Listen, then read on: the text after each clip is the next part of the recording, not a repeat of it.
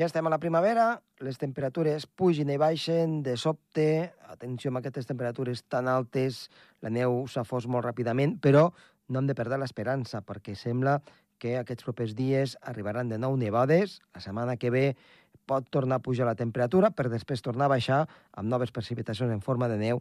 En definitiva, la primavera és així. Pujades i baixades. Comença el torb.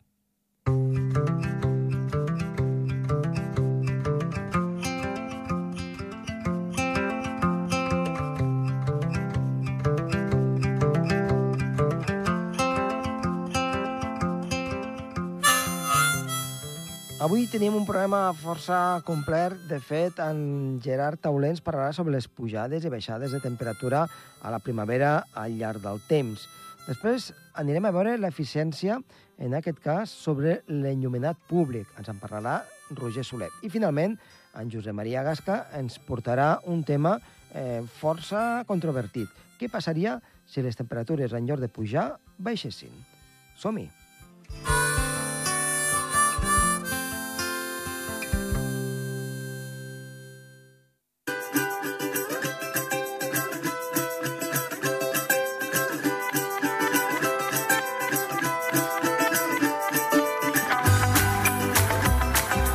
Iniciem el programa i parlem amb Gerard Tauler. Gerard, molt bona tarda. Hola, molt bona tarda, Josep Tomàs. Doncs eh, primavera, ja estem a la primavera i la sang altera i també les temperatures, eh? perquè quins disbarats de temperatures... Les temperatures i les pluges, tot es va accelerat. Moltíssim, eh? És que aquí al Pirineu... Una sequera molt forta. Hauria, hauria de ploure, eh? I de nevar a les muntanyes. Sí, sí, perquè hem tingut un hivern La, la, la, més forta és del 2008, ben bé aquí. i aquest any eh, hem tingut una precipitació per sota del que és habitual i amb temperatures sí, més altes. És el, el març més sec des de l'any mm, 97. Per tant, ja ha Ha passat... plogut 7,9 litres, aquell març només va ploure inapreciable. Imagina't. 26 anys sense dir un mar tan sec. Sí, sí, es diu ràpid, però és, és, és en general, eh? A tot el que és parlar sud d'Europa. canvis de temps i de temperatura a la primavera, que són Perfecte. molt. Vinga, doncs anem a parlar. N'hi ha hagut sempre, eh?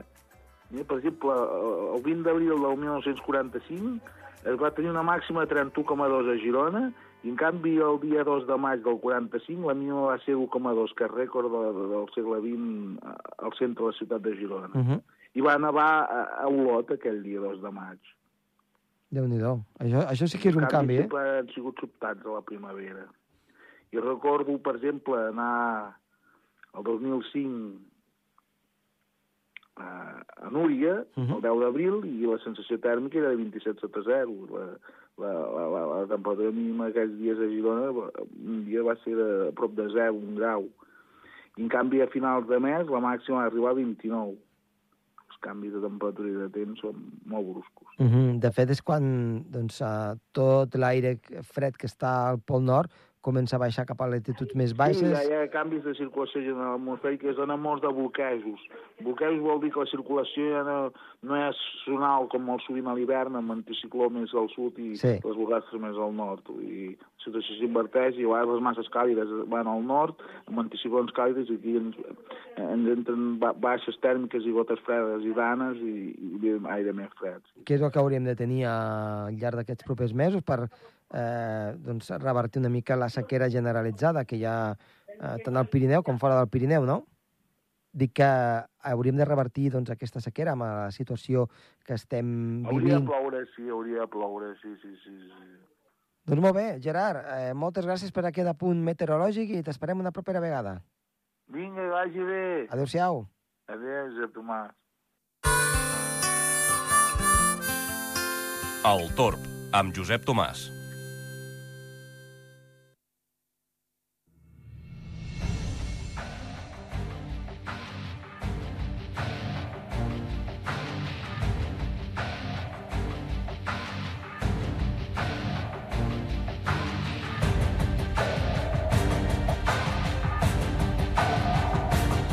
Avui teníem amb nosaltres el meteoròleg Roger Soler. Roger, molt bona tarda.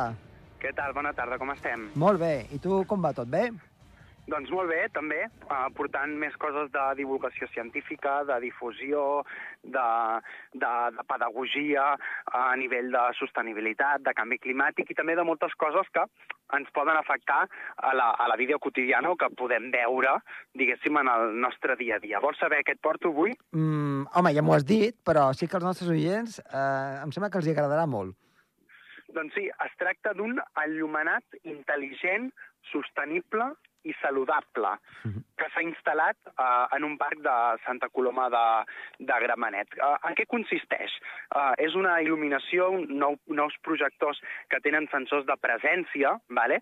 que controlen la intensitat i el color de la llum, de manera que respecten el cicle biològic de les espècies i redueixen la, la contaminació lumínica.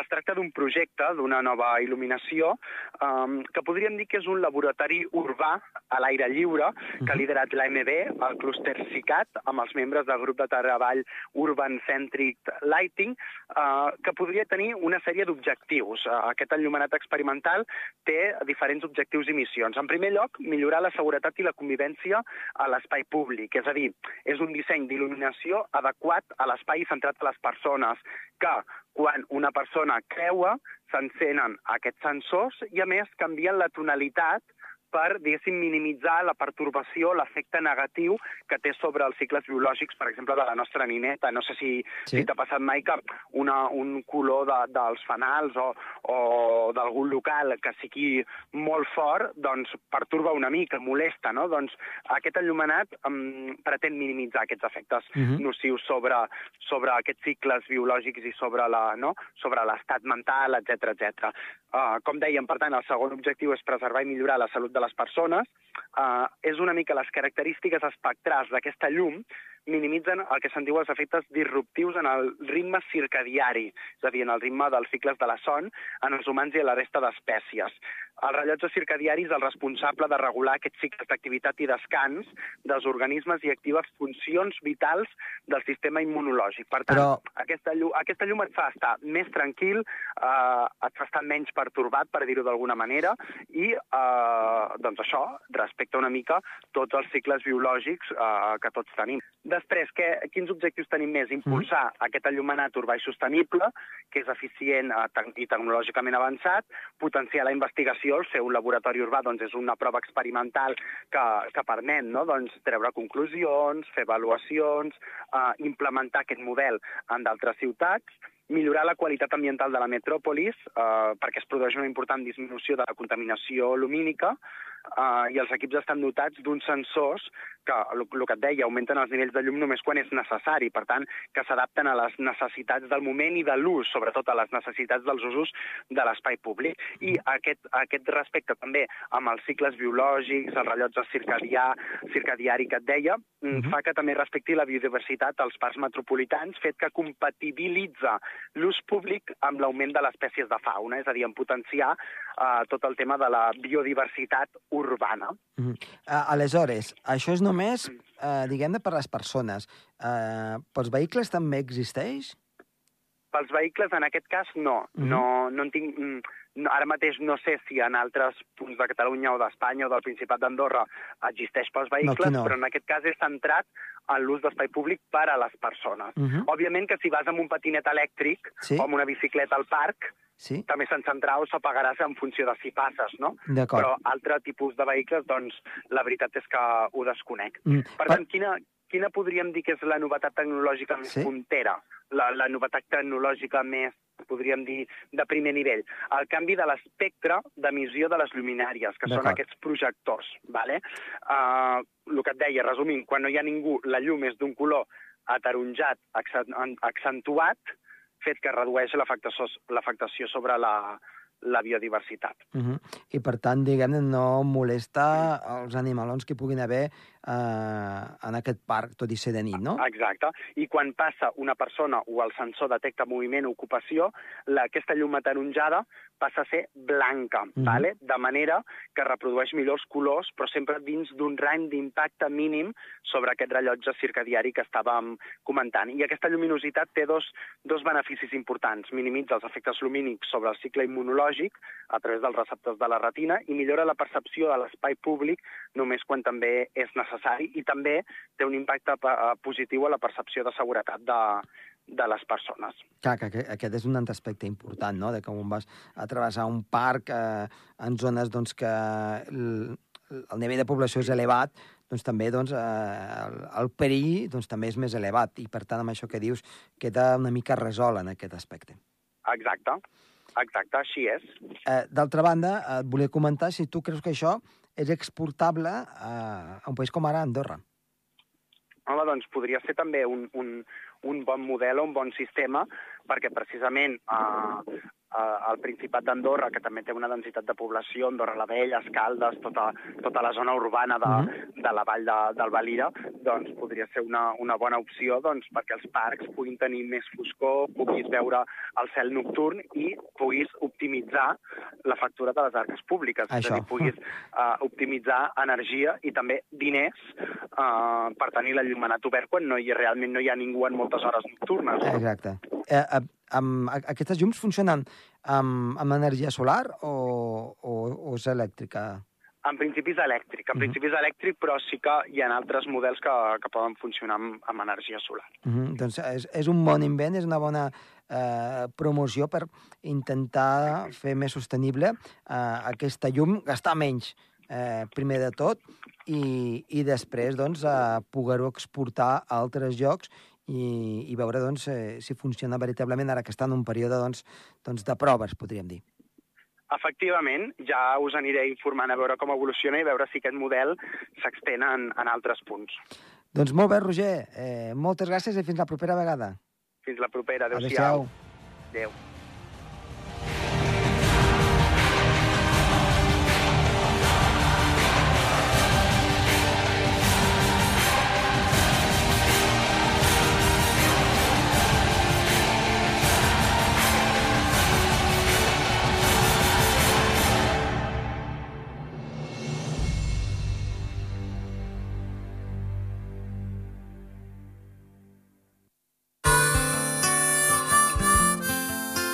El Torb, amb Josep Tomàs.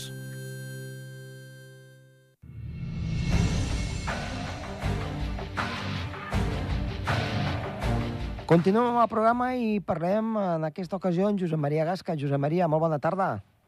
Hola, molt, molt bona tarda. Doncs ja, ja hem entrat a la primavera, estan pujant les temperatures, també hi ha hagut alguna altra baixada, però déu nhi la calor que està fent. Eh, la situació meteorològica doncs el Pirineu, en aquest cas la neu se'n va molt ràpidament i ens quedava eh, pendent d'ara fa unes setmanes, eh, ho vam parlar, doncs eh, què passaria si eh, a casa nostra, el que és eh, aquí a la Terra, en lloc d'estar-se escalfant el clima, doncs eh, s'anés refredant, que crec que és un tema molt, molt interessant, veure com, quina seria doncs, la, la solució que hi trobaríem. Josep Maria. Exactament. Uh, de fet, és difícil d'imaginar, no?, un escenari... Bastant difícil, eh? Revers del que tenim ara, al contrari, difícil, però, bueno, és un exercici eh, meteorològic d'intentar fer una reversa, passar la pel·lícula al revés i veure què passaria si tot això que ara anem dient i que anem palpant i registrant, com ara ves dir-lo de la neu que, que està molt, molt escadossera a Pirineu, què ens podria anar a passar si ens anéssim refredant paulatinament any darrere any. Um, bé, és difícil mm, realment buscar referents recients, no n'hi ha hagut de refredaments. Uh, hi havia èpoques que ens ho creiem, però, però no. Cap als anys 60 es parlava que el clima dirigia un refredament, quan la nevada a Barcelona del 62, quan els aiguats del Vallès del 62, i hi havia una certa psicosi de canvi cap a pitjor temps. Però, de fet, costa trobar referents importants, eh, contundents i a escala mundial si no anem a l'última, la petita edat de gel, Exacte. que va concloure cap al 1850. Uh -huh.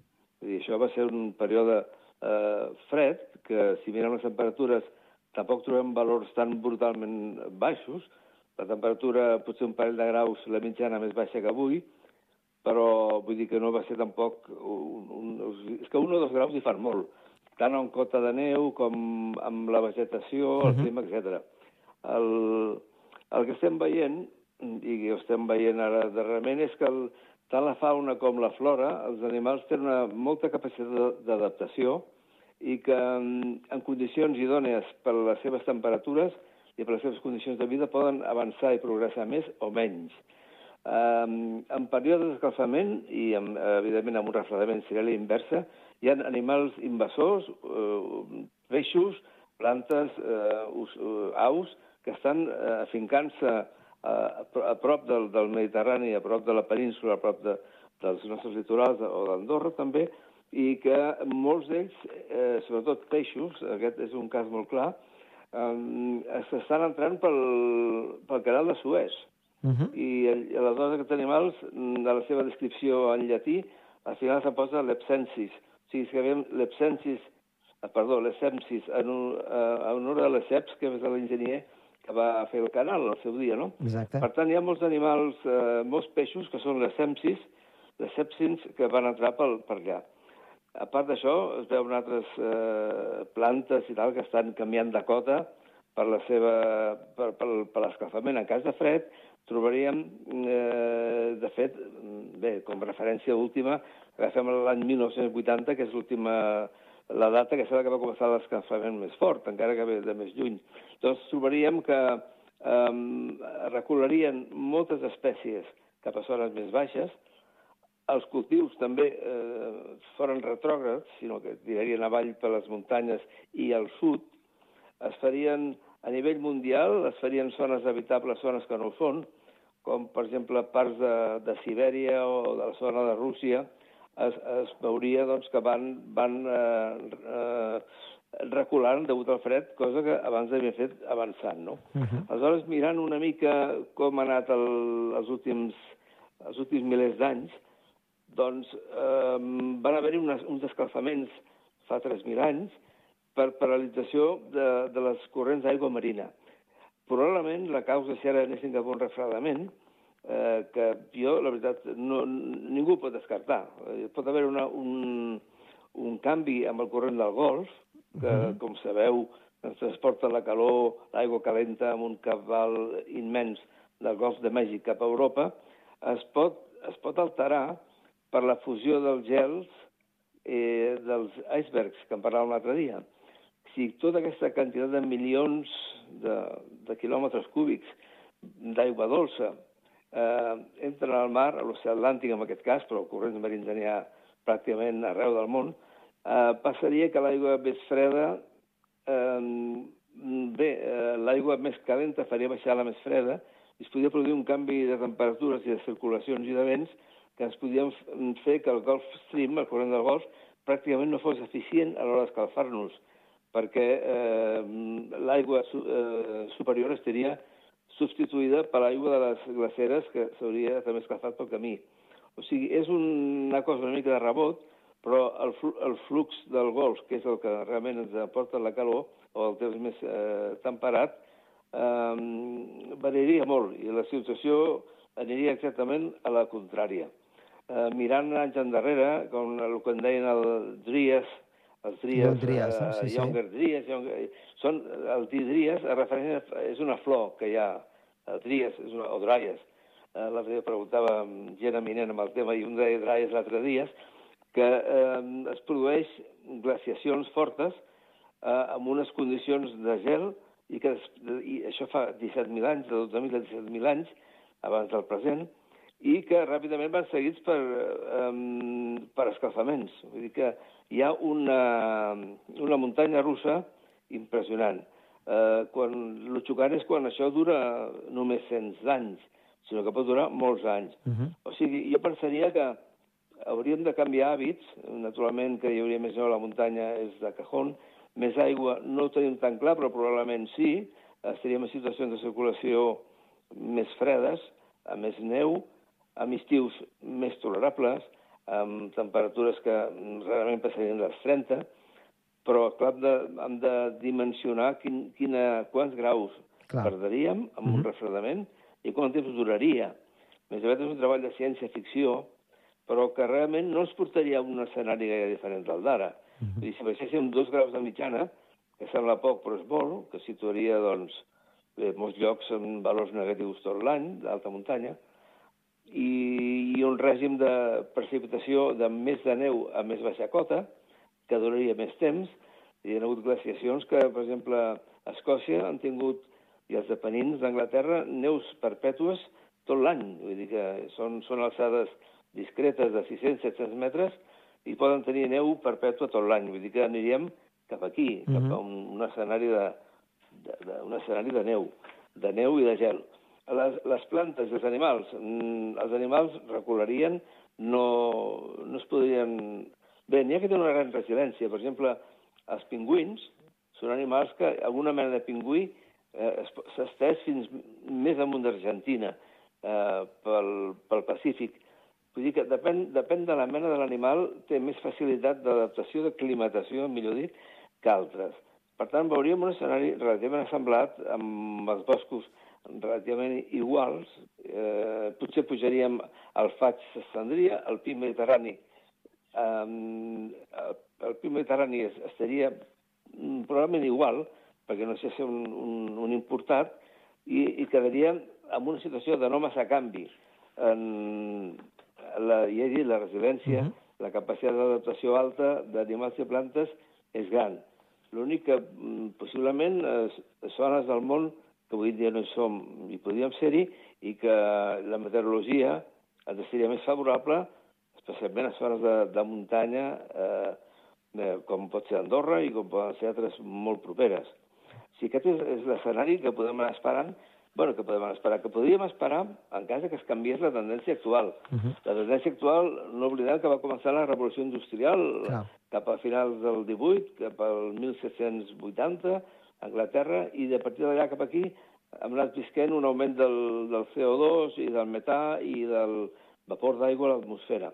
Això ha anat, ha anat augmentant, ha anat augmentant l'efecte hivernacle i la Terra ha anat mantenint més calor que no podia la radiació que rebia solar no la podia tornar a emetre cap a fora. Mm. Bé, això mm, està subjecte a que els corrents marins, que són realment potser els grans desconeguts, ignorats, eh, ens puguin afectar amb el sentit de que dèiem abans. En el, nostre cas, una, una pèrdua de, del corrent del golf o eh, també hi ha els cicles solars, que estem entrant ara en una fase eh, favorable eh, a refredaments, i després el niño i la niña. Clar. I ara estem, uh -huh. ara hem tingut tres anys de niña, sí. i ara estem a punt d'entrar a, a la fase de niño. niño. Uh -huh. la, la, la niña és més freda i el niño ens, ens porta més calor, eh, amb un corrent que hi ha a l'oceà Pacífic entre Indonèsia i, i Perú, més o menys, aproximadament i grosso modo. O sigui, un canvi cap a refredament no seria res, un, un gran daltabaix, sempre quan ens mantingués amb unes amb uns paràmetres com hem tingut fins ara d'escalfament. Mm -hmm. Que tot això m'ha quedat com estàvem l'any 70. Sí, ens ha quedat, doncs, una, una, una visió no?, que has fet així general de, del que podia passar i tampoc no, com deies, eh, amb, aquesta, amb aquesta lleugera davallada de les temperatures doncs no seria tan dolent, fins i tot podria ser positiu, si més no, cap a, cap a les nostres latituds. Doncs, Josep Maria, Exacte. molt bé, eh, moltes gràcies per estar avui aquí amb nosaltres i t'esperem una, una propera vegada. Molt bé, moltes gràcies a vosaltres. Adéu-siau. Bona tarda. Adéu-siau, bona tarda.